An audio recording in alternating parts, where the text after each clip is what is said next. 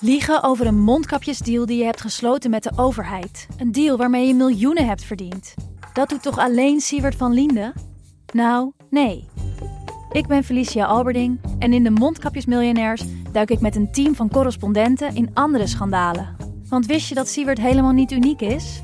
Luister de Mondkapjesmiljonairs in je Podimo-app. Of ga naar podimo.nl slash mondkapjes. En probeer Podimo 30 dagen.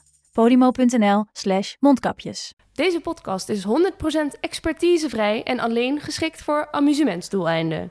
De inhoud mag niet worden beschouwd als financieel advies. Dit is Jong Beleggen, de podcast. Ik ben Milou En ik ben Dennis. en we hebben het over inflatie in deze aflevering. De kranten staan er vol van, maar wat moet je daar als belegger naar mee? Daar gaan we naar kijken. Uh, wat het doet met rentes, met hoeveelheid geld in de economie Ja. en wat het betekent. En over deflatie hebben we het en de Modern Monetary Theory. Ja. En wie hebben hier invloed op? Dat is natuurlijk weer die, eh, die ECB. De centrale banken, ja. Met, eh, met die Christine, Christine Lagarde. En eh, nou ja, we hebben het dus daarmee ook over de geldpomp die op volle toeren draait. Ja, die aanstaat. Let's go.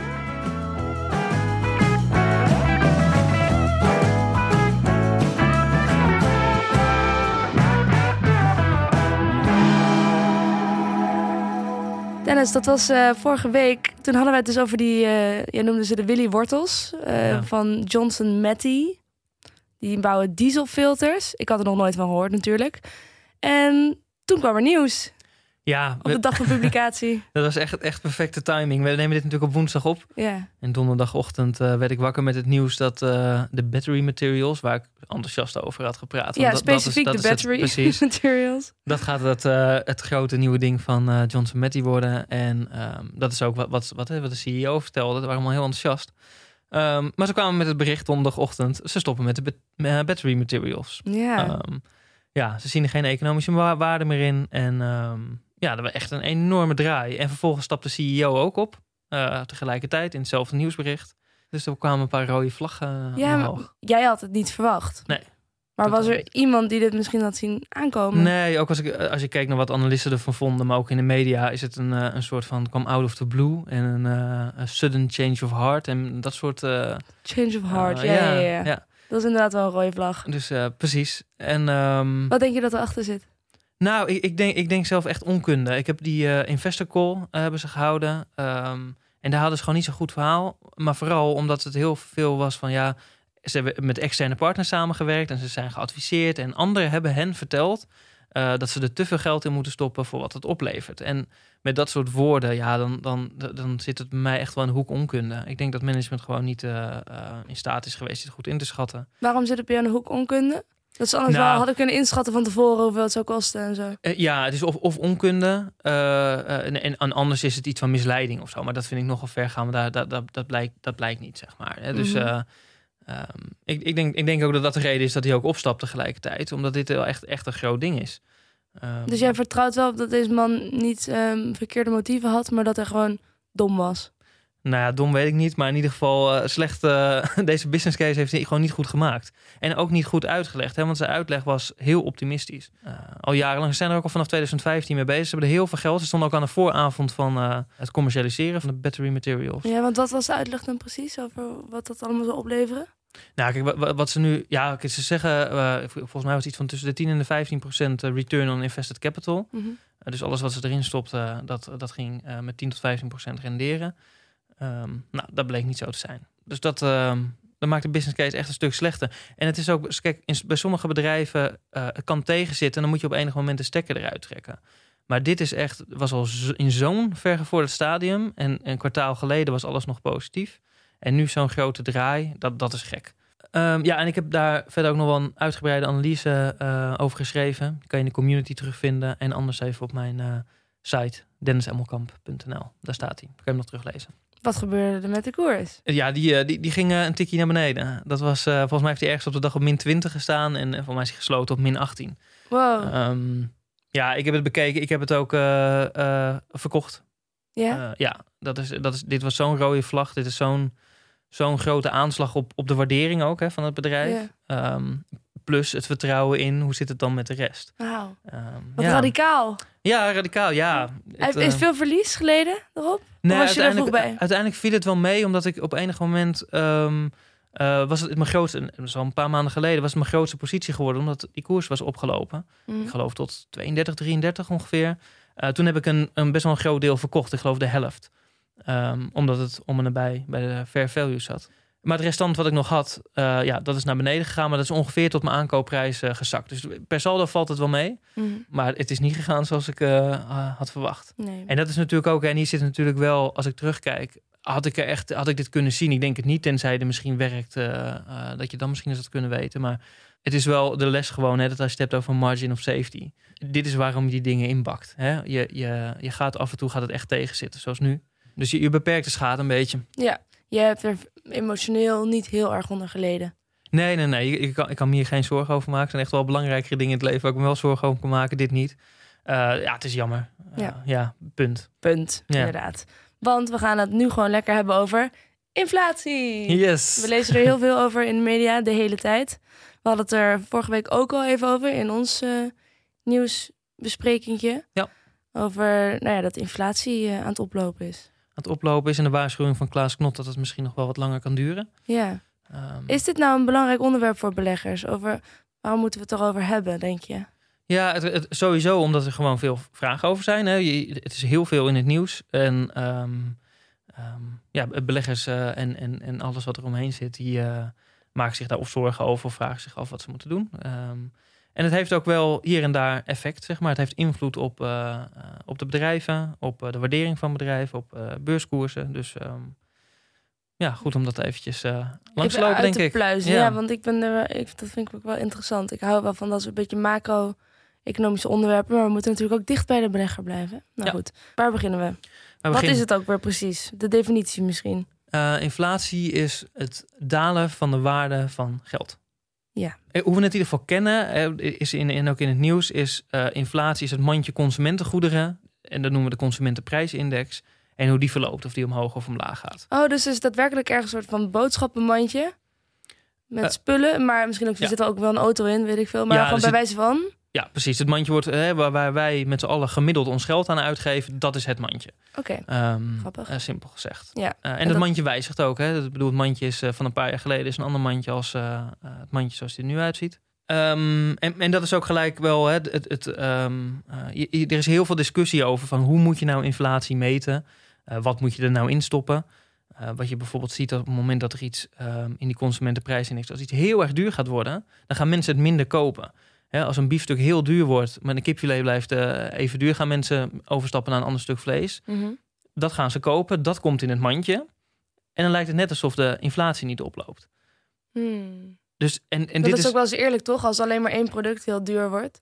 Ja, en het is alleen, kijk, daar kan je altijd discussie over voeren. En dat gebeurt ook. Van hoe stel je nou zo'n mandje samen? Of moet je het mandje überhaupt niet wijzigen? Want als je echt zuiver de inflatie wil meten, wil je eigenlijk eenzelfde mandje van vorig jaar en dit jaar wil je met elkaar vergelijken. Ja. Dan zie je het echt. Ehm, dan is er ook nog discussie over of inflatie, of we dat nou moeten meten door die consumentenprijsindex of de prijzen van grondstoffen bijvoorbeeld. Daar kan je ook van zeggen dat het iets zuiverder is. Ja. Ehm, maar goed, da- daar, zit, daar is zoveel discussie over en over, voor alles is wel iets te zeggen. En volgens mij is dit ook als beleggers is het vooral ehm, belangrijk om, om die trends te kunnen zien en, en, en te zien wat er gebeurt. En niet per se naar de zuiverheid van die metingen eh, kijken. Dus, dus Mhm. hoe meet je inflatie? Het ligt er ook heel erg aan. Daar komen we straks ook wel op. Hè, van als je naar je beleggingen kijkt, dan is eh, het mandje, eh, het, con- de consumentenprijsindex, is niet altijd de graadmeter voor wat er gebeurt binnen je beleggingen. En dan moet je, moet je net even wat breder kijken. Ehm, inflatie ontstaat ook, ook bijna nooit over de hele linie van producten. Het zit ook altijd op onderdelen. Ehm, en dat is volgens mij precies wat het eh, lastig maakt. Mhm. Ehm, maar ook ehm, eh, dat wat belangrijk is. Ja. Maar ik bedoel, CPI, dat is... eh, kijk, inflatie is een percentage. We lezen het ook 2%, 4%. Ja. Een consumentenprijsindex is geen percentage. Ja, ook. Ja, Oh. tenminste, ja, de index is, is natuurlijk een getal, maar de stijging Ja. van het getal gaan we uitdrukken in een percentage. Dat is de inflatie. Stijging. En dat is dan de inflatie zoals we hem over het algemeen lezen in de, in de media. Oké. Ja. Ja, en dan is het ook nog wel goed om inflatie, wordt, wordt als containerbegrip vaak wel een beetje genoemd. En het is in ieder geval, de, de hoofdmoot van onderscheid in inflatie is wel dat je hebt, je hebt kosteninflatie en je hebt bestedingsinflatie. Mhm. Ehm, en dat is echt een, echt een andere. Want op het moment dat je te maken hebt met kosteninflatie, ik kan het best uitleggen bijvoorbeeld bij Shell. Als die olieprijs omhoog gaat, dan wordt de brandstof duurder aan de pomp. Een heel actueel onderwerp. Actueel Ja. en, en hij is vrij eenvoudig. Maar dat, dat zo kan je op allerlei andere bedrijven gebeuren, dat soort effecten. Ja, dus Shell moet, of de pomp moet hogere kosten maken om die olie. In te kopen, te verwerken. eh, Dus dat berekenen ze door aan de klant. Precies. Ja. En dat is, dat is de kosteninflatie. En wat je ook hebt, is bestedingsinflatie. Die hebben we nu ook. Is bijvoorbeeld in de auto-industrie. Door het chiptekort kunnen we minder auto's produceren, maar de vraag blijft hoog.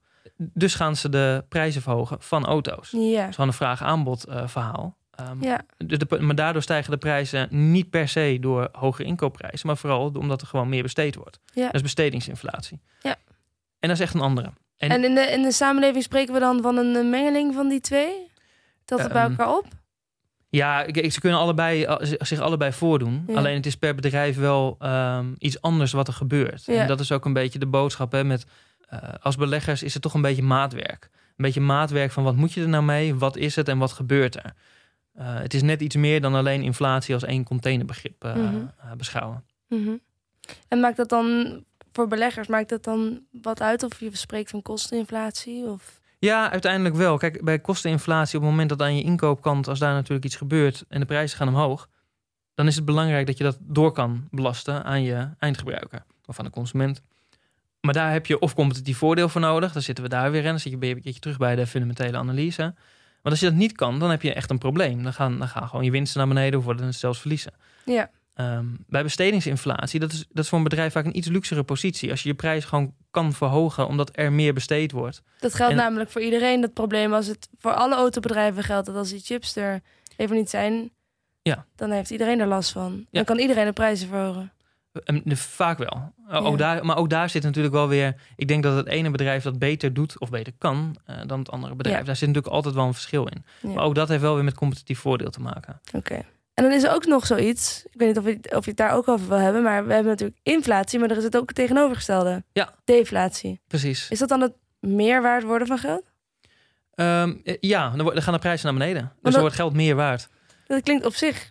Deflatie hangt altijd zo'n negatieve connotatie bij, maar dat klinkt eigenlijk, dat is toch helemaal niet zo erg. Als geld meer waard wordt, hoeven we minder te beleggen. Kan ik het gewoon op mijn rekening eh, laten staan, dan wordt het vanzelf meer waard. Ja, d- dat is heel fijn, zeg maar. Hè. Het is ook, er hangt een, een heel negatief beeld eh, over deflatie. Dat is iets wat we vooral moeten voorkomen. Ja. En dat is inderdaad best gek. Want als bij mij alles 1% goedkoper wordt elk jaar... de televisie die ik wil kopen, mijn vakantie en mijn boodschappen... ja, daar heb ik daar niet zoveel tegen.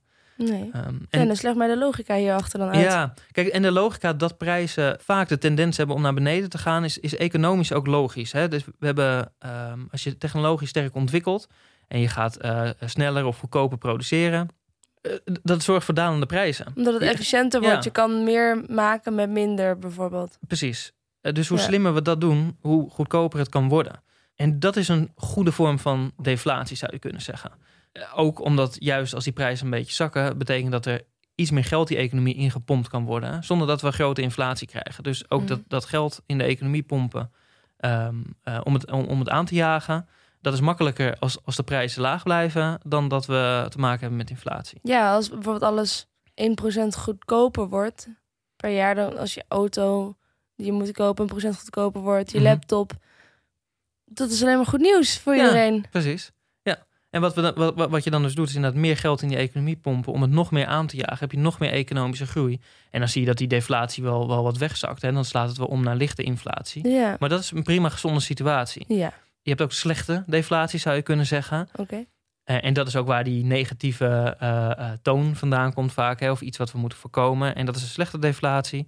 En dat, dat zie je als er economische tegenwind is. En de afzet eh, zakt. Je kan gewoon moeilijk je producten verkopen. Wat je dan ziet is dat bedrijven de prijs gaan verlagen. Om toch maar eh, het product aan de man te brengen. Mhm. Maar dan heb je een economisch slechte situatie. Prijzen die zakken uit, eh, niet uit luxe of economische vooruitgang. Maar omdat je anders gewoon je producten niet verkoopt. Ja, en dan kom je in een spiraal terecht. En dan komen de bezuinigingen. Stop men met, met eh, Waarom komen investeren. er bezuinigingen? Nou, uit, uit de lengte of de breedte moet het gaan komen. En als je die prijzen moet verlagen omdat je anders je spullen niet meer verkoopt, moet je natuurlijk aan je kostenkant. Ja, moeten de bedrijven zelf gaan bezuinigen. Moeten Ja. de bedrijven gaan bezuinigen, anders hou je je marges niet op peil. ja. Eh, je stopt ook vaak met, met innoveren of met investeren. Eh, je schroeft het in ieder geval terug. Ja. Ehm, het kan ook zomaar zijn dat mensen hun baan kwijtraken. Ehm, en dan, dan dalen de bestedingen weer. Nou, enzovoort. En, Ja. en je krijgt een negatieve spiraal. Dat is er eentje en die is moeilijk op te lossen. Dus die, die wil je voorkomen. Uh, maar dat is wel, de nuance is wel belangrijk. Dat, dat deflatie aan zich hoeft niet altijd een negatief uh, aspect te zijn. Nee. Dat is wel een belangrijke. Oké. Okay. En waarom hebben we het dan toch de hele tijd over inflatie? Want de inflatie, dat hoor ik bijna nooit. Nee, en daar hebben we, daar hebben we natuurlijk op dit moment ook helemaal geen. Uh, uh, we hebben geen deflatie. We hebben vooral nu het probleem van inflatie en die blijft maar oplopen. En wat wel interessant is, een soort van leuk weetje. Um, in bijna de hele wereldgeschiedenis is per saldo is er geen inflatie geweest. Als je kijkt uh, van de 17e tot de 20e eeuw, is er per saldo was er geen inflatie. Hoe bedoel je? Nou, we zijn nu in, in, in, in de huidige tijd heel erg gewend aan oplopende prijzen. Ja. Hè, dat de, de waarde steeds maar daalt van het geld. En dan er is echt een heel goed boek over geschreven. Uh, Edin Mujagic. Ja. Muga ja, die ken ik. Ja. Die heeft... Edin Mugagic die was... Ja. Um, hij is ook als gast geweest in het radioprogramma waarvoor ik werkte, Dr. Kelder en Co. Oh, dat kan. Ja. Daar, uh, daar was je dus econoom, macro-econoom. Ja, macro-econoom, ja. ja. ja. Nederlands dus. Ja, die heeft heel veel uh, onderzoek er dan ook naar gedaan. Die zit, zit er helemaal in. Die heeft Geldmoord geschreven, een paar jaar geleden. Um, geldmoord. Geldmoord, ja. Wow. Wat hier, waar dat natuurlijk vandaan komt, is dat als je kijkt naar uh, 100 euro in uh, 1600 zoveel, is door de eeuwen heen is het bijna niet minder waard geworden. En dan heb je het moment vanaf na 1913 is die waarde van die 100 euro 3500 euro geworden. Of elke, van elke dollar toen is nu nog 3 cent over. Dus er is vanaf 1913 is er echt een enorme geld... Uh, Ontwaarding. On, precies. En vandaar Hoe kan. Dat dan? Hoe kan het dan dat het in 1600 en zo allemaal uh, dat 100 euro 100 euro bleef? Ja. Florijnen betaalden we toen mee, geloof ik. En, uh, en nu spreken we over dat 100 florijn 50 jaar geleden is nu 3 cent. Ja, het is echt, enorm opgelopen. En ja. Um, ja, wat er gebeurt, kijk, in 1913 zijn de centrale banken opgericht. En daar gaan we het straks ook nog even wat verder over hebben. Maar wat er daar gebeurd is met die centrale banken, sowieso is deflatie, heb ik net over gehad, is een beetje een slecht dag, daglicht komen te staan. Hè, want dat moesten we vooral voorkomen. Deflatieshaming. Uh, ja, mm we hebben de goudstandaard losgelaten. Vroeger kon je, waren de dollars, die waren gekoppeld aan goud. Dat kon je altijd tegen een vaste waarde met elkaar uh, ruilen. Dus mm -hmm. had je een stabiele waarde van geld. Maar dat hebben we losgelaten. Het fractioneel bankieren is, dat bestond al, maar dat is echt groot geworden. En dat, dat? Ja, dat is dat uh, banken, die kunnen voor elke euro die ze bezitten, die kunnen ze veel fouten van kunnen ze uitlenen. Uh, dus die creëren ja. geld. Ja, wat er niet is. Wat er niet is. Gewoon uit het niets creëren ze geld. Ja. En waar dat voorheen gematigd was, is dat, is dat nu helemaal voor de financiële crisis, maar nog steeds wel, uh, is dat veel groter geworden. Dus er is veel meer geld in die economie gekomen. Waarom doen ze dit? Niet alleen banken, maar gewoon waarom hebben die ECB's dan eigenlijk gemaakt? Is inflatie chill om te hebben of zo? Nou, en dat is precies de discussie.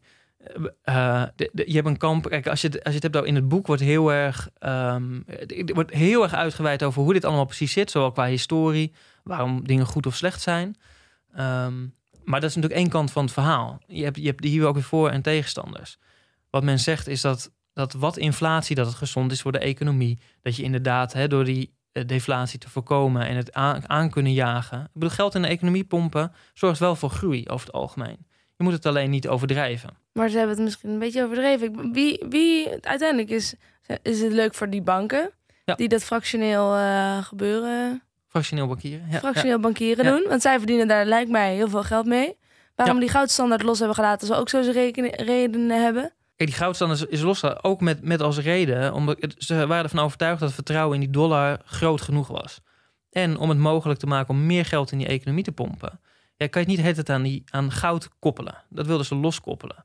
Dus daarmee werd het mogelijk om uh, meer vaart te zetten achter het uh, creëren van geld. Mm -hmm. um, en ik, ik, wat je in de laatste jaren natuurlijk ziet, is doordat er zoveel geld in die economie is gepompt, de schulden zijn ook fors opgelopen. Hè? Ja. Uh, op, op, zowel overheden, bedrijven, maar ook particulieren. Um, is dat het geld bijna gratis moet blijven. Omdat als je de hele schuldenberg moet gaan financieren met een hoge rente, dan heb je een probleem. Dus het, uh, dat die rente laag is en uh, laag blijft. En dat... dat we dus geld in die economie blijven pompen. Uh, het voelt een beetje alsof we aan het infuus liggen. Ja, inderdaad. van gratis geld. Ja, en de patiënten sterven, de dokter. Maar Mhm, ehm, als je dus je zegt van de ECB is dus geld aan het pompen in de economie, ja, dat verhaal ken ik. mhm. Wat moet ik daar eigenlijk concreet bij voorstellen? Is, zijn zij aan het bijdrukken? Is, dat is, ja, het is natuurlijk nog niet feitelijk zo. Maar wa- kijk, ze doen, ehm, ze doen twee dingen, de centrale banken. Eén is de rente vaststellen. En dan heb je twee belangrijke rentepercentages. Eén is de rente die banken moeten betalen om geld te lenen van de ECB bijvoorbeeld, de Europese Centrale Bank. En je hebt één rentetarief, dat is de prijs of de rente die de banken moeten betalen om daar geld te stallen. Ja, Nou, geld lenen is gratis, 0%. Geld daar stallen kost een half procent. Dus banken hebben een enorme incentive om geld vooral weg te zetten, maar ook heel goedkoop weg te zetten. Voor consumentenbedrijven is het heel goedkoop om geld te lenen. Ehm, dat, is, dat is één ding wat de eh, ECB doet. En daarmee zorgen ze dus voor kapitaal eh, in de wereld. Het andere wat ze doen, dat is quantitative easing. oh ja. Ehm, en dat is het opkopen van obligaties. Dus op het moment dat eh, bijvoorbeeld Nederland heeft geld nodig om alles wat we hier in de maatschappij eh, eh, willen te bekostigen. Ja. Ehm, we, we redden het niet met alleen maar eh, het belastinggeld, dus er moet wat bijgeleend worden, dus geven we obligaties uit. Op het moment dat ehm, eh, pensioenfondsen of particulieren die obligaties kopen, dan is de verschuiving van ehm, eh, geld wat al in de maatschappij zit naar een ander plekje in de maatschappij. Wat de ECB doet, die creëert als het ware geld door die obligaties op te kopen. Ja. Zij kopen die obligaties op Ja. en In plaats de van die overheid gaat het particulieren. uitgeven. Ja, Ja. de overheid geeft het uit. Dus die balans van de ECB die is enorm aan het oplopen. En dat geldt niet alleen voor de ECB, dus ook voor de Fed in Amerika en de Japanse centrale bank. Dat, is, dat zie je wereldwijd. Dat is wat ze doen. Maar Dennis, hoe denk jij dat het met de patiënt gaat dan als privé particulier belegger? Ja, ik, mijn zorg zit vooral in, in de spagaat waar we in zitten. Ik kan niet zozeer zeggen of, of wat het juiste is om te doen. En dat is vooral omdat we in een spagaat zitten. Want op het moment dat je nu zou zeggen... ehm, we gaan dat heel erg terugschroeven. Dat gratis geld in de economie. We gaan die rente verhogen. We gaan het allemaal een beetje afkoelen. Dan heb je eh, ons met schulden beladen wereld wel op zijn kop staan. Want die, die hogere rente, dat kunnen we helemaal niet aan. Ehm, dus dat gaat heel veel zeer doen. Eh, Dat is, dat is de ene kant van het verhaal. De andere kant van het verhaal is als die inflatie gaat oplopen door al het geld wat die economie instroomt, die een beetje aan het overhitten is, is. eh, Dat is een, een nog ongezondere situatie misschien wel. Maar die kan je alleen oplossen door die rente te gaan verhogen. Dus je zit in een spagaat waarbij allebei de opties een, een, een naar effect hebben. En moet er een optie gekozen worden? Of kunnen we Ehm. lekker in die spagaat blijven zitten? Ik bedoel, kijk, stel dat je vergelijkt met een, een computer die oververhit raakt. Mhm. Die crasht op een gegeven moment. Nou, kijk, het zou kunnen. En dat is eigenlijk wat we nu doen. We doen eh, niks. We gaan eh, de rente zijn we niet echt aan het verhogen. We zijn wel een beetje aan het aankondigen dat er een ietsie pietsie beetje bij komt. Ehm, geld in de economie pompen zijn we ook een klein beetje aan het minderen, maar dat is echt marginaal. Je zou kunnen zeggen, we doen er nog niet zoveel aan. En op het moment dat die inflatie, zoals sommige mensen ook voorspellen, als die ergens in de loop van volgend jaar gewoon weer afneemt, ja, dan is dat prima. Dan gaan we eind volgend jaar weer over tot de orde van de dag en eh, is dit geweest. Het het nadeel is, is alleen, als dat niet gebeurt, ja, dan hebben we een probleem. Want dan is die, die rente is opgelopen, of de, de, sorry, de inflatie is heel erg opgelopen. En als je dan nog wil remmen, eh, dan wordt het een lastig verhaal. Want dan moet je heel snel Inderdaad. en heel veel die rente gaan verhogen. Ja. Heel rap gaan afbouwen. Ook omdat die, op het moment dat ze dat gaan doen, dan duurt het toch gauw een half jaar voordat het effect heeft. Het is niet als je vandaag de rente verhoogt, dat we morgen of volgende week in één keer een effect zien. Dat Ja. heeft wel een remweg. Ja, dus wij denken nu, oké, we wachten gewoon tot die inflatie weer een beetje afneemt. Maar Klaas Knot, de directeur van de Nederlandse Bank, die zegt... Kijk uit, want dit gaat misschien wel langer duren dan je denkt... dat die inflatie op gaat lopen. Ja, en, en, en samen met eh, Jens Weidman, dat is eh, zijn evenknie bij de Duitse eh, centrale bank. Kijk, die, die zijn voorstander van het feit dat de ECB zich gewoon moet houden aan de taak die ze hebben. En dat is die inflatie stabiel houden en onder de 2%. En die leggen hem vrij simpel uit. We zitten nu gewoon bo- ver boven de 2%. Ja. Het risico is dat hij langer aanhoudt. Dus we moeten actie ondernemen. D- Dat is de ene kant van de groep. En je hebt een andere kant die zegt, nou, het is maar tijdelijk. Dus we gaan daar nu geen uh, maatregelen op nemen. Nou, Dennis, ik weet niet of ik nou me zorgen moet maken of niet. Nou, het ligt eraan. Het ligt eraan. Sowieso als belegger voor mijn Ja. portfolio. Ik weet niet hoe ik dit als belegger moet zien, maar gewoon de hele, de hele wereld. Ja. Oh nee. Nou, het is, en als het gaat over zorgen maken, want wij lezen natuurlijk helemaal als beleggers de zorgen van beleggers, maar dat is echt een luxe probleem. Dat is echt wel belangrijk om te benadrukken. Want het echte probleem van hoge inflatie, ehm, dat zit een beetje aan de, ehm, nou, de onderkant van de samenleving. Als je elke week uh, moeite hebt met eindjes aan elkaar knopen en je grootste uitdaging is uitkomen met de boodschappen, dan is inflatie echt een probleem. En, Want dan worden de boodschappen gewoon onbetaalbaar. Uh, ja, kijk, de boodschappen, die prijzen gaan ook omhoog. En, en, en brandstof en, en noem maar op. En, en daar, daar kan echt ook maatschappelijke onrust ontstaan. Dat is het allerbelangrijkste waarom we niet te veel inflatie willen, maatschappelijk en sociaal. Dat is op die plekken. Voor ons als beleggers. Um, is maar dat moet je misschien wel even uitleggen. Want mhm. uiteindelijk is het zo als, als de boodschappen duurder wordt, maar geld ook minder waard wordt. Als het goed is, gaan de lonen dan toch ook omhoog? Eh, dat kan. Maar dat is niet, niet altijd zo. En het is helemaal niet zo als die inflatie tot 6, 7, 8 procent gaat oplopen. Dat je meteen Dan geloof ik niet dat, dat, dat zomaar iedereen 6, 7, 8 procent loon erbij krijgt. Nee, precies. Als we dat wel gaan doen, dan hebben we nog een ander probleem te pakken. Dan komen we in de zogenaamde loonprijsspiraal. Oh, en als we daarin komen, dan, dan is het helemaal hard remmen. Daar willen we ook niet in komen. Oké. Ehm, maar het is wel, kijk, de hoeveelheid geld wat je over hebt. Kijk, voor sommige mensen die kunnen misschien als de inflatie gaat oplopen, een keertje minder uit eten of een iets minder luxe auto kopen. Mm. dat is vervelend, want we willen natuurlijk allemaal wat meer. Ehm, maar dat is, dat is voor ehm, je sociaal-maatschappelijk effect, is dat echt wel een kleiner effect. Oké, nou. Maar als belegger? Als belegger. Als belegger, ja. het, lastige, het lastige ermee is dat. Op, wat moeten we mee? Kijk, op, op lange termijn moeten we ons niet al te veel zorgen over maken. Als je belegt voor over 15, 20, 30 jaar. Als we dan terugkijken naar deze periode, is dit ook ergens een stippie. Net als de coronacrisis en de financiële crisis. En misschien oplopende inflatie. Oh, de coronacrisis is nog geen stipje, hè? Eh, nee, is nog geen stipje. Maar over 30 jaar dan eh, denk het wel. Dus op de lange termijn moeten we als beleggers daar heel erg zorgen over maken. Nee, wat mij betreft niet. Gewoon, eh, het is wat het is soms. Oké, dus je gaat er niet op handelen of zo als je weet dat inflatie uh, nee. rare dingen doet op korte termijn is het natuurlijk wel uh, aan te raden om in ieder geval goed naar je holdings te kijken. Daar zit hij vooral. Hè? Um, wat gebeurt er als de inflatie oploopt, als bepaalde kosten gaan stijgen? Wat is dan effect voor de bedrijven die je bezit? Dat mhm. is wel een, um, um, een belangrijke om te zien, om te leren en om beter te begrijpen wat er gebeurt. En hoe identificeer je dat dan bijvoorbeeld? Hoe doe je dat zelf? Het ligt er een beetje aan. Jij weet nu, de inflatie is op dit moment hoeveel procent? Vier? Uh, ja, ruim vier. Ik geloof dat hij dat in Amerika inmiddels alweer hoger staat. In de eurozone was het, uh, was het vier, ruim vier. Gaat geweldig. Wat, uh, ga jij dan, wat doe jij met die informatie en wat ga jij bekijken bij bedrijven van jou? Ja, als het gaat om inflatie, dus de kostenkant, dan kijk ik naar twee zaken. Eén is, hebben ze een competitief voordeel? Hoe groot is dat? En zijn ze in staat om die kosten door te berekenen?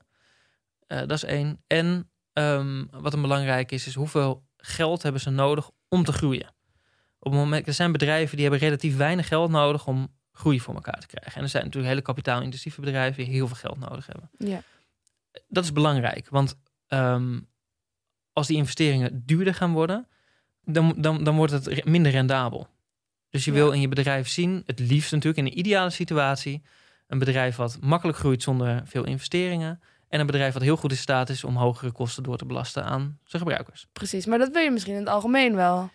Precies, en dat is precies het punt wat, waarom die op. Je wil dit eigenlijk altijd. Ja. Um, alleen dit is wel een goed meetmoment om te kijken. Lukt het die bedrijven ook? Hè? Dat is een beetje, hè, ben je enthousiast over een bedrijf, dan denk je denk ook al gauw. Ze hebben een competitief voordeel en ze kunnen dit wel. Maar dan zie je wel te bezien of dat echt lukt. Ja. Dus het is een soort test. Maar dus in principe als je bedrijven in je portfolio hebt, zoals waarschijnlijk jij, mhm. ehm, die dus niet heel veel uh, investeringen nodig hebben om te kunnen groeien, mhm. Of makkelijk kunnen doorberekenen uh, als de kosten stijgen aan hun klanten, ja. dan hoef je eigenlijk niet zo heel erg bezig te houden met inflatie. Dan hoef je niet te druk over te maken. Nee, dan, dan, is, dan is het effect beperkt. Dus dat doe jij ook eigenlijk niet. Ja. Uh, klopt. Ik, ik, ik, volg het kritisch en ik wil natuurlijk ook wel zien of het lukt. Um, want dat is de vraag. We hebben het heel lang niet gehad, hè, deze uh, tijden van ho echt hoge inflatie. Dus het is wel gewoon goed om te bezien hoe die bedrijven daar nou in, in acteren en functioneren. Maar eigenlijk hebben we dus de ECB en hoe heet die vrouw? Christine Lagarde? Ja. Die heeft dus, zij is de baas over hoeveel inflatie we hebben. Zij bepaalt dat allemaal. hoe democratisch is dat eigenlijk? Nou, sterk nog, ze hebben juist ervoor gekozen om het los van de politiek te plaatsen.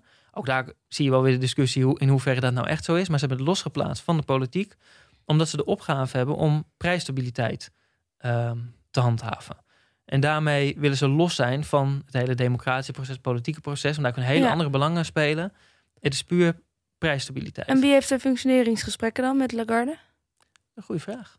Ja, want dat, is het heel stabiel op dit moment. Als ik de media volg, dan, schrij- dan komt er een ander beeld in me op. Dat klopt. En dat is ook precies de discussie. Hè? En dat is ook precies wat Jens Weidman en ook Klaas Knot wel, wel propageren. Ehm, moeten ze niet gewoon nu aan de rem trekken? Want als je gewoon kijkt naar wat is hun bestaansrecht... dan zijn ze dat nu niet aan het, eh, aan het handhaven. Ja. Kijk, en daar hebben ze ook wel weer argumenten voor. Hè? Want als het gewoon maar tijdelijk is... je hoeft niet voor, voor, voor elke kleine eh, eh, afslag gelijk eh, bij te sturen. Maar hoe komen ze erbij? Ik weet dat jij dit misschien ook niet weet, maar hoe komen Mhm. ze erbij dat het tijdelijk is? Is gewoon hopen dat het tijdelijk is? Of zijn er signalen dat het tijdelijk is? Ja, Dat de nou. inflatie eh, blijft groeien? Er, zit- er zijn heel veel argumenten om te bedenken waarom het blijft groeien. Eh, de, de energieprijzen die stijgen en we, we zien ook echt wel dat het nog wel even kan duren. Ehm, ah, zolang we extra geld in die economie blijven pompen en die economie blijft op volle toeren draaien, de werkloosheid is, is op het laagste punt ooit. Ehm, ja, dan kan het echt nog wel even, even voortduren. Mhm. Je zou ook kunnen zeggen, ja, de problemen in de logistieke ketens, eh, in de aanvoer, eh, chiptekorten, dat soort zaken. Kijk, die worden wel opgelost. De markt gaat dat wel oplossen. Dat geeft wel weer een iets, iets ehm, ehm, drukkender effect op die inflatie. Maar de glazen bol die sommigen denken te hebben, en dat is volgens mij ook de conclusie die je kan trekken als je erin verdiept. In die glazen bol zit gewoon niet zoveel. Het is echt van zoveel factoren afhankelijk dat je er bijna geen eh, voorspelling op kan loslaten. Dus het is maar net welke gok je wil nemen. Mhm. Ja, en eh, dan heb ik ook nog het nieuws gehoord deze week dat... eh, kijk, ja, we hebben het over chiptekorten, maar waar ook een groot tekort aan is, is werknemers. Ja. Want eh, werkgevers die hebben het heel moeilijk mee om, eh, om personeel te vinden. Dus laatst was ook in een restaurant op zaterdagmiddag. Zeggen ze, ja, eh, de keuken is dicht. Ik zeg, hoezo? ja, we hebben geen mensen. Ja. Maar er zijn nog sectoren die het nog erger hebben. Op- welke manier kan dat ook nog de inflatie beïnvloeden? Nou, wat er, ehm, en dat is wel een interessante. Je hebt nog een, je hebt de, de traditionele stroming. Dat is een beetje waar we net over spraken, ook over eh, dat boek Geldmoord, zeg maar. Hè, dat, het, dat het, die inflatie wel eigenlijk te veel is opgelopen. Je hebt nog een andere stroming, MMT, Modern ehm, eh, Monetary Theory. Mhm. En die gaat er eigenlijk tegenin. Ehm, wat zij stellen, simpel gezegd, in het kort, is ehm, overheden, centrale banken kunnen eigenlijk zoveel geld als ze willen blijven besteden. Overheidstekorten maken niet uit. Ehm, schulden bij overheden niet uit. niet uit. Nee, zij stellen, er is een verschil tussen de gebruiker van geld, jij en ik en eh, bedrijven, en je hebt de uitgevers van geld. En dat is een groot verschil. De uitgevers van geld, als je altijd geld eh, kan blijven bijdrukken, kan je het ook altijd afbetalen. Ja. Dus dat is een groot verschil. Eh, wij kunnen niet bijdrukken, wij moeten echt, echt afbetalen. Wie is wij? Wij als wij, burgers of wij als over? inwoners, maar, Ja. ook lokale overheden overigens en ook ehm, eh, bedrijven. Ja, maar onze, onze Nederlandse bank mag ook geen geld gaan afdrukken in zijn eentje, toch? Eh, nee, dat is geen, eh, we zijn geen soevereine staat. Nee. Zeg maar. dat, dat, dat zit bij de ECB en dat zit bij, in Ja. Amerika zit dat bij de, eh, ook bij de centrale bank. Ja. En wat zij stellen is van we moeten niet sturen op, op tekorten of op de, hoe hoog de schulden zijn ten opzichte van hoeveel geld we verdienen. We moeten sturen op één, de inflatie moet in toom blijven. En we moeten, dat, dat punt is belangrijk van inderdaad werkgelegenheid. Als we op de maximale werkgelegenheid zitten of op minimale eh, werkloosheid, dat is het punt waar je wil zitten. Je krijgt het nooit naar nul, maar er zit een soort optimum. Daar moet je op sturen. Mhm. En vervolgens moet je zorgen dat die inflatie in toom blijft. Oké, dus ze zeggen we zitten nu best wel goed, los van dat de inflatie niet helemaal in toom is. Precies, eigenlijk ook in die theorie eh, zeggen ze, nu moet je dus gaan eh, matigen. Maar er wat, zit wat matigen. ehm, het, het geld in de economie pompen, rente. Je, hebt nu, je hebt nu echt wel knoppen waar je aan kan draaien om dat bij te stellen. Dat is ook wat zij zeggen. Alleen vanuit die theorie zit er meer in dat je op inflatie daarop gaat focussen. Om dat in toom te houden. En niet alleen. eh, nu, nu hebben we het heel erg over de knoppen van quantitative easing. Hoeveel geld pompen in die economie. En eh, de rente wellicht verlagen. Er zit ook nog wel een verschil in waar overheden hun geld aan uitgeven. En hoeveel inflatie dat veroorzaakt. Bepaalde uitgaven eh, zorgen voor beperkte inflatie. En sommige uitgaven voor heel veel meer. Er zit echt Mhm. nog wel een eh, verschil in. En helemaal met een hele lage werkloosheid. Hebben we net, waar, je- waar, waar je net naar vroeg. Dat heeft een inflatoire effect. Oké. M- Mensen zijn allemaal aan het werk. Die gaan allemaal dat geld uitgeven. En die kunnen ook wat meer vragen en meer loon krijgen op het moment dat ze ergens aankloppen voor werk. Ja. Dus dat is ook het moment dat je hem een beetje. ehm, Ja, eh, we hebben ook werknemerinflatie inderdaad. Je kan meer geld vragen, dus Ja. je wordt zelf meer waard. Ja, en dat is, dat is dus ook het hele feit van oververhit heeft met al dit soort eh, effecten te maken en het afkoelen van een economie. Ja. Zou je dus eigenlijk dan een beetje moeten doen. Jongens, inflatie is de motor van de economie. Eh, ja, als het een beetje is wel. En over de MMT, Modern, eh, Modern. Monetary Theory, Ja. dat is nog echt een hele goede boekentip. Oké. En die heet The Budget Deficit. En die is van Stephanie Kelton. Ja. Zij heeft er echt een heel goed boek over geschreven. En het is vooral omdat die, die theorie... die gaat echt in tegen een soort van het hele economisch-monetaire eh, wereldbeeld. En toen ik het las... je denkt echt een paar keer... "Huh, dit kan toch niet? Je kan, toch, je kan niet onbeperkt geld uitgeven. Je kan toch niet... Maar als je het leest, ze heeft echt een heel goed verhaal. Wat is Ehm, haar punt? nou, haar punt is inderdaad: ehm, blijf uitgeven als het kan. Doe dat slim. En manage de inflatie. Maak inflatie leidend in je uitgaven, in de overheidsuitgaven. En laat niet ehm, eh, begrotingstekorten of overheidsschulden leidend zijn. En het wijkt zo erg af van wat we kennen, weten en wat we al in ieder geval de afgelopen decennia hebben gedaan. En zij legt het echt heel erg goed uit. Het is, Mhm. Ik ben me nog steeds aan het afvragen eh, of ik het mijn soort van eh, wereldbeeld op dit vakgebied ergens moet gaan omgooien. Oké, want wat is jouw wereldbeeld op dit moment? Nou, het, het zit natuurlijk ook wel een beetje dicht bij, bij het traditionele. Ik bedoel, oh, eh, ehm, niet te veel uitgeven, want dat moet weer terugbetaald worden. Eh, schulden moet je een beetje beperken. Al die, die elementen. En die- zij zegt, laat maar lopen? nou, zij zegt, laat in ieder geval dat hele idee van als je eh, de, de, de maker van geld bent, je kan het gewoon gratis maken en uitgeven, dan moet je je geen zorgen maken over schulden en over begrotingstekorten. Dan moet je je zorgen maken over wat er maatschappelijk gebeurt, waar je geld aan uit moet geven, of naar scholing is of, eh, of eh, eh, zorg. Op het moment, dat moet je doen zolang de inflatie binnen de perken blijft. Dat is een beetje de kern van het betoog. Maar het is ook daarvan geldt weer, je hebt je hebt hier verschillende kampen. Ze hebben voor alles valt wel wat te zeggen. Het boek Geldmoord en de Budget Deficit zijn tegengesteld aan elkaar. Ja. Het zijn andere stromingen, ehm, maar ze bevatten allebei echt wel elementen die eh, eh, waardevol zijn. Oké. Dus maar het is echt een eh, ja, Ja, goede tip. Leuk om te lezen. tips als voor je, beide kampen. Yes. Lees ze allebei en vorm uw eigen oordeel. Ja. En Als ik het nog even terugtrek naar beleggers. Als je dus ehm, inflatie hebt, hoge inflatie, laten we daar even van spreken. Mhm. Heeft dat nog een bepaald effect ook op de prijzen van aandelen, Nou, je er de is heel, ja, er is, er is heel veel onderzoek naar gedaan ook, naar het effect van inflatie en rente op aandelenkoersen. Mm. Ehm, en het is wel bijzonder wat je dan ziet. Je ziet de algemene consensus is op het moment dat de inflatie omhoog gaat, dat ehm, eh, aandelen naar beneden gaan. Dat is de consensus. Dus aandelen worden goedkoper. Ja. Dat is um, tegengesteld dan eh, wat je koopt in de supermarkt. Dan die prijs wordt hoger. Precies. Want voorheen, voor, eh, die, die consensus is eigenlijk vanaf de jaren 70 ontstaan.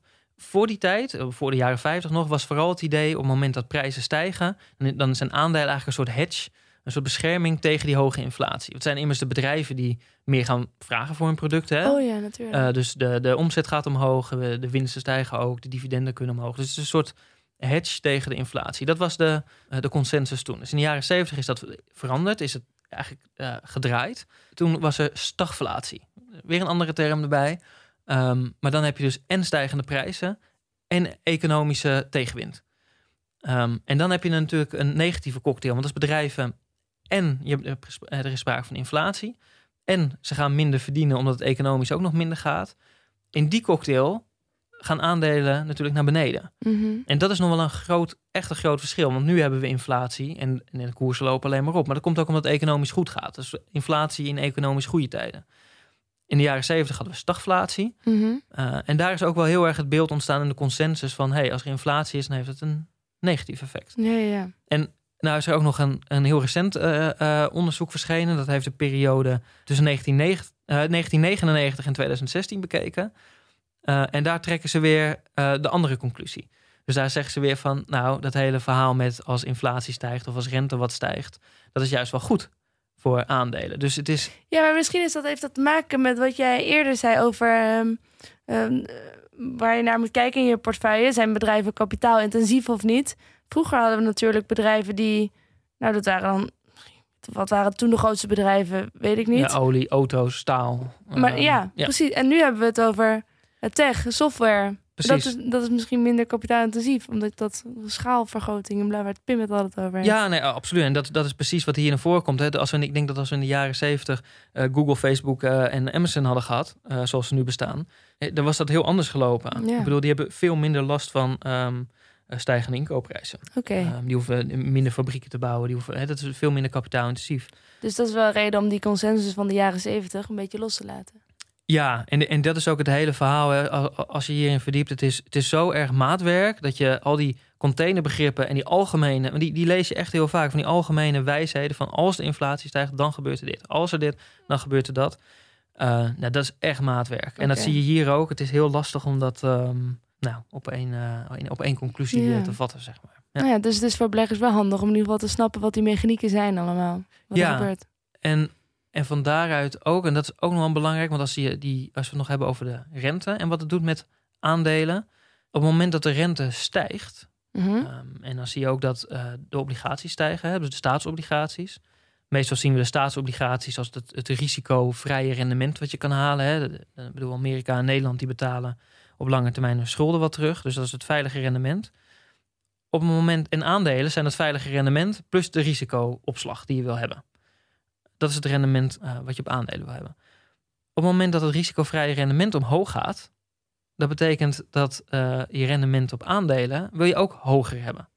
Want je hebt nog steeds eh, een hoger risicovrij rendement en je risicoopslag. Mhm. Dat zorgt voor dalende koersen, omdat je meer rendement eist. En dat is nog wel een belangrijke om, ehm, ehm, om erbij te benoemen. Oké. En die, ehm, in de eerdere aflevering over die fundamentele analyse ook, daar hebben we het gehad over die discounted cashflow methode. Dan maak je contant naar nu. Je zou kunnen zeggen dat, ehm, ik, ik reken daar bijvoorbeeld met 10%, dat is ook vrij arbitrair natuurlijk, maar op het moment dat, stel dat je op een obligatie 6, 7%, als we het gek maken, eh 6, 7% haalt. Ja, ga je dan risico lopen voor 10% eh, op aandelen of neem je een veilige obligatie voor 6, 7%? Dat is precies waar die eh, dan gaat knellen. Ja. Dus dan wil je minder gaan betalen voor je aandelen. Dat effect speelt nog. Ik denk dat DCA-methode een van mijn minst favoriete methoden is. Oké. En zijn er verder nog dingen die belangrijk zijn voor gewone beleggers om te snappen als ze kijken naar hun portfolio Nou, hierover? wat, je- wat je natuurlijk wel ziet is een verschil tussen groeibedrijven en waardebedrijven. Als we dat even zo simpel in twee kampen zetten. Ehm, op het moment dat die rente gaat stijgen, hè, dan wordt geld wordt dus duurder als het ware, wordt meer waard eh, in het hier en nu. Dus als je dat dure geld nu moet investeren om pas op lange termijn eh, winst te maken, dan wordt die business case wordt gewoon wat slechter. Mhm. Waardebedrijven die verdienen nu al geld, dat geld wat nu duur is als die rente gaat oplopen, Eh, en dat is gunstiger. Oké. Dus je ziet ook hè, op het moment dat de, de, ang- de inflatie en de of rentes daadwerkelijk oplopen, of de angst daarvoor hè, dat het gaat oplopen. Als we dat zien gebeuren, dan zie je ook vaak dat die groeibedrijven, techbedrijven, dat die wat wegzakken en het waardebedrijf wat oplopen. En dat is precies dit effect. Mhm. Je wil gewoon het geld wat duurder wordt, wil je nu hebben en niet pas over eh, een paar jaar. Ja. Oké. Nu hebben we inflatie een beetje uitgeplozen, hè? We zijn er wel, denk ik. Daar lijkt het wel op, ja. Ja, dan ehm, wil ik natuurlijk even alle nieuwe vrienden van de show bedanken. Eh, en ook degenen die zijn gebleven. Dank daarvoor. Ehm, geen update van de portfolio dividend tracker, omdat Pim nog steeds vakantie aan het vieren is. Maar we hebben natuurlijk wel nieuws, toch Dennis? Zeker. Wat wil je bespreken? Nou, we hebben ehm, in ieder geval Shell. Shell. Natuurlijk, ze gaan. Ja, Ons wegpestbeleid heeft haar vruchten afgeworpen. precies. En Shell vertrekt. Ja, ben je, ben je er rouwig om, Dennis? Nee. Moeilijke tijden? Nee, kijk, het is, het is, het een beetje, ja, het is een beetje jammer. Royal Dutch is dat die naam gaat er ook af. Royal Dutch Shell. Ik kan Ehm, eigenlijk ook niet geloven dat het echt gaat gebeuren. Nee. Jawel? Nou, ja, kijk, ehm, eh, het is wat het is. Ja, eh, het blijft hier nog wel in Nederland zitten.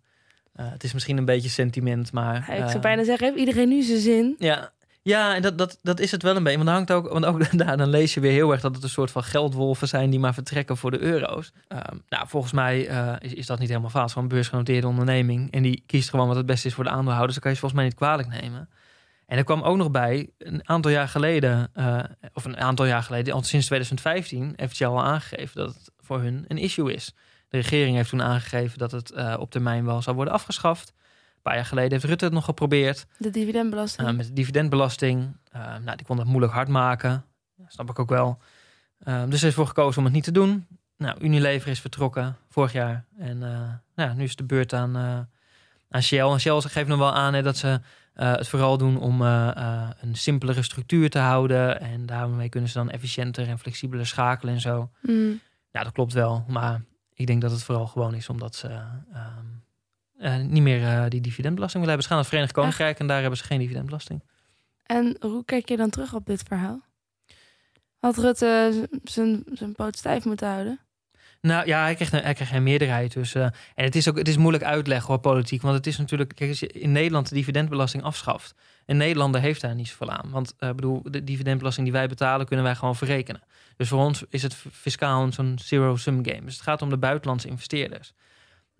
En dat is, krijg je de politiek moeilijk doorheen. Dat als buitenlandse investeerders hierheen komen, geen belasting hoeven te betalen. Dat kost, uh, ik geloof dat de schatkist 2 miljard per jaar uh, uh, kost.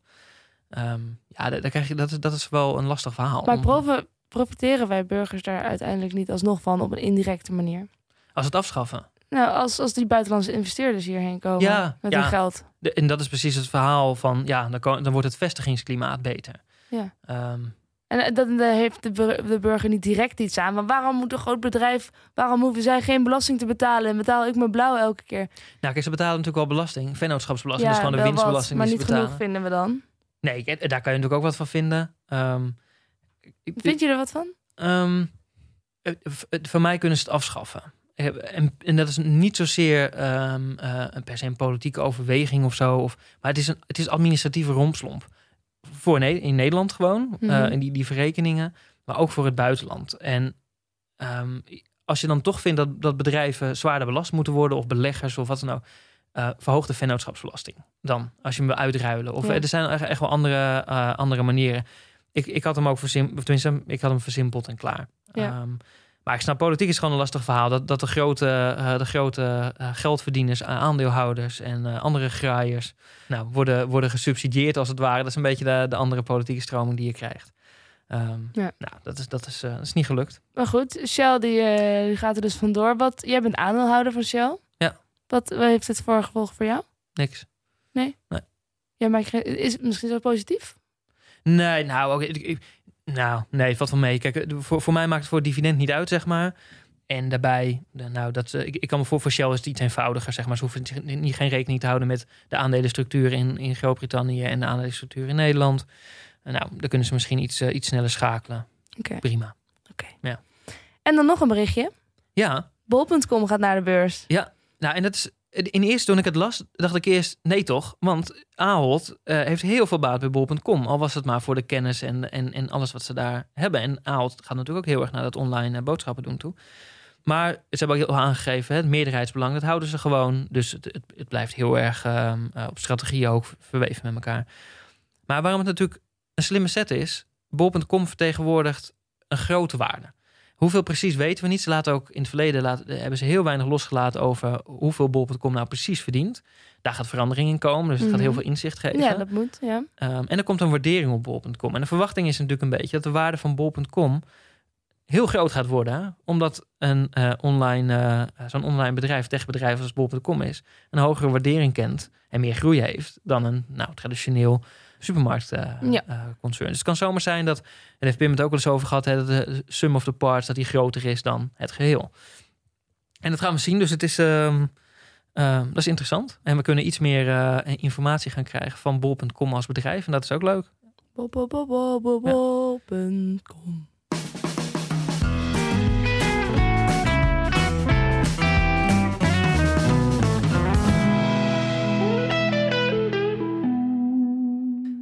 Portfolio? Zal ik het vertellen? Ja. Ik heb lang niet gekeken. Ik moet nog steeds ook uh, moet nog steeds aandelen bijkopen. Voor deze maand nog? Ja. Ik zit te wachten tot een goed moment. Maar dat mag helemaal nee. niet, hè? nee, dat moet je nooit doen. Maar nee, weet ik. Dus ik uh, ga maar gewoon... Van... Zal ik het gewoon vandaag doen? Ik ga het gewoon vandaag doen. Ik zou het doen. oh, shit, man. Veel rendement. Ja, ik, had, ik, ga niet vandaag bijkopen. Dat weet ik wel. ja, nee, ik ben je toch weer aan het timen? Ja, weet ik. Niet doorvertellen hoor, Dennis. Nee. Um, ik heb een totale waarde van 8.119 Dus dat is echt eh, enorm. All-time high. Ja, dik ook. Gefeliciteerd. Dankjewel. Ehm ik heb nog een berichtje binnengekregen van iemand in de community. Bart, die schrijft... Tot mijn grote plezier hadden jullie het vaak over duurzaamheid. Een factor die volgens mij ook nog te veel onderschat wordt. Ik denk dat het gaat over ons gesprek, Dennis. Over de Dat zou kunnen. aflevering. Ja. Ehm, vraagje voor Milou. Overweeg je een overstap naar een S&P 500 ESG ETF? Want de gewone S&P 500 heeft zo'n 5% tabak, wapens, olie, etc. Oeh, ja, dit vraag. is wel misschien wel een hele... Een, sowieso een goede vraag.